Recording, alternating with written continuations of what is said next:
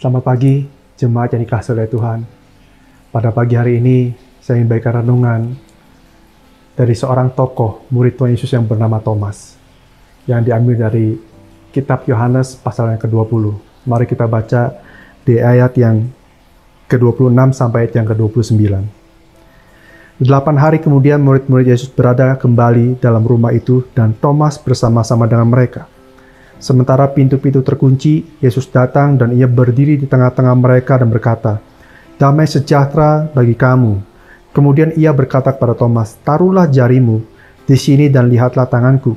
Ulurkanlah tanganmu dan cucukkanlah ke dalam lambungku dan jangan engkau tidak percaya lagi, melainkan percayalah. Thomas menjawab dia, Ya Tuhanku dan Allahku. Kata Yesus kepadanya, Karena engkau telah melihat aku, maka engkau percaya. Berbahagialah mereka yang tidak melihat, namun percaya. Apabila Bapak Ibu Saudara membaca di kitab Yohanes pasal yang ke-11, maka kita akan mendapatkan sedikit gambaran mengenai siapakah Thomas atau orang seperti apakah Thomas itu sebenarnya. Mari kita buka. Di pasal yang ke-11. Di situ diceritakan sebuah kisah mengenai seorang bernama Lazarus yang sudah mati yang kemudian dibangkitkan oleh Tuhan Yesus. Pada waktu itu Tuhan Yesus mendengar bahwa Lazarus sakit eh, dan Lazarus telah meninggal, maka Tuhan Yesus merencanakan untuk datang ke kota Betania di mana Lazarus ada. Pada waktu Tuhan Yesus berencana untuk datang ke sana, murid-murid Tuhan Yesus berkata kepada Tuhan Yesus di pasal yang ke-8, di ayat yang ke-8. Rabi, baru-baru ini orang Yahudi mencoba melempari engkau, masihkah, ma masih maukah engkau kembali ke sana? Lalu di ayat yang ke-16, Thomas ber berkata, Lalu Thomas yang disebut Didimus berkata kepada teman-temannya, yaitu murid-murid yang lain, Marilah kita pergi juga untuk mati bersama-sama dengan dia. Jadi pada waktu Tuhan Yesus berencana untuk pergi ke kota Betania, tempat di mana Lazarus meninggal, murid-muridnya berkata, Tuhan, orang-orang di sana akan melempari, pernah akan melempari engkau dengan batu. Masih mau kan kau datang ke, eh, ke sana? Jadi rupanya pada waktu Tuhan Yesus berencana datang ke sana, mereka tahu, termasuk Thomas pun tahu, bahwa kalau Tuhan Yesus dan mereka datang ke kota Betania, ada kemungkinan mereka semua akan mati. Karena sebelumnya mereka pernah ada di kota Betania, Betania, dan orang-orang di Betania akan melempari Tuhan Yesus dengan batu. Jadi kemungkinan mereka akan mati di sana kalau mereka datang kembali.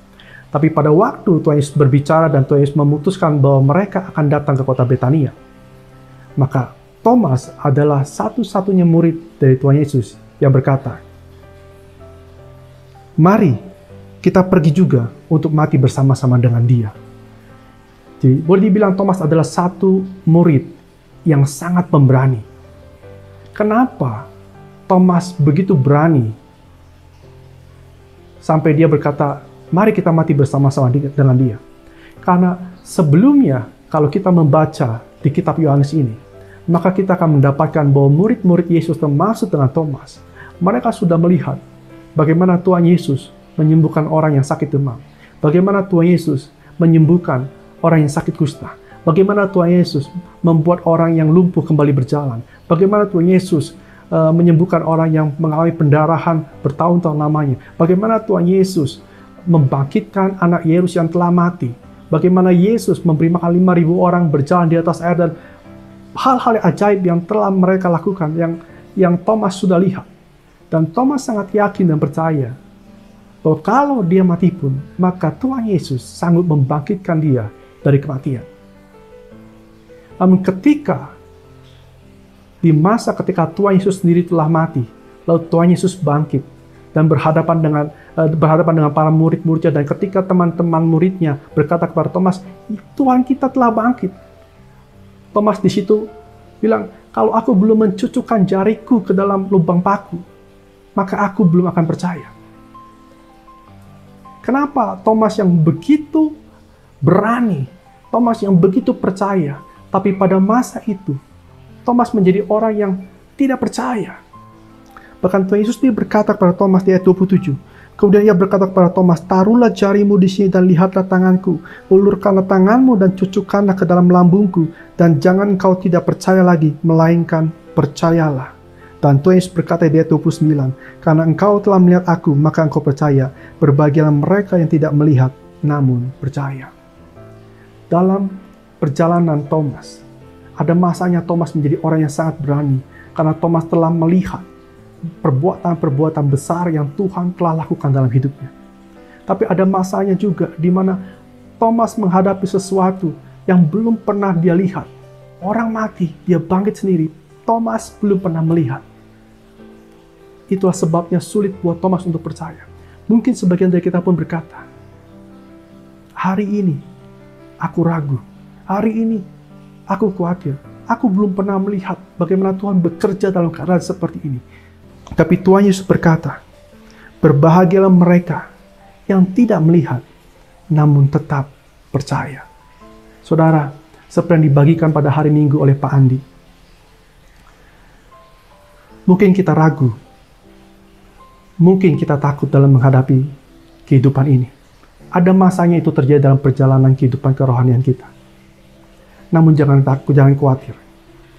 Bahwa Tuhan mengerti siapa kita dan hari ini, biarlah pagi ini menjadi satu renungan buat setiap kita. Mari, kita percaya kepada Tuhan. Bukan karena apa yang sudah Tuhan lakukan di dalam kehidupan kita di masa lalu. Tapi marilah kita percaya kepada Tuhan.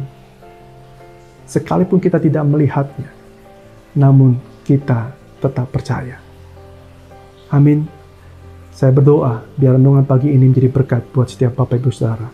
Selamat pagi dan Tuhan memberkati.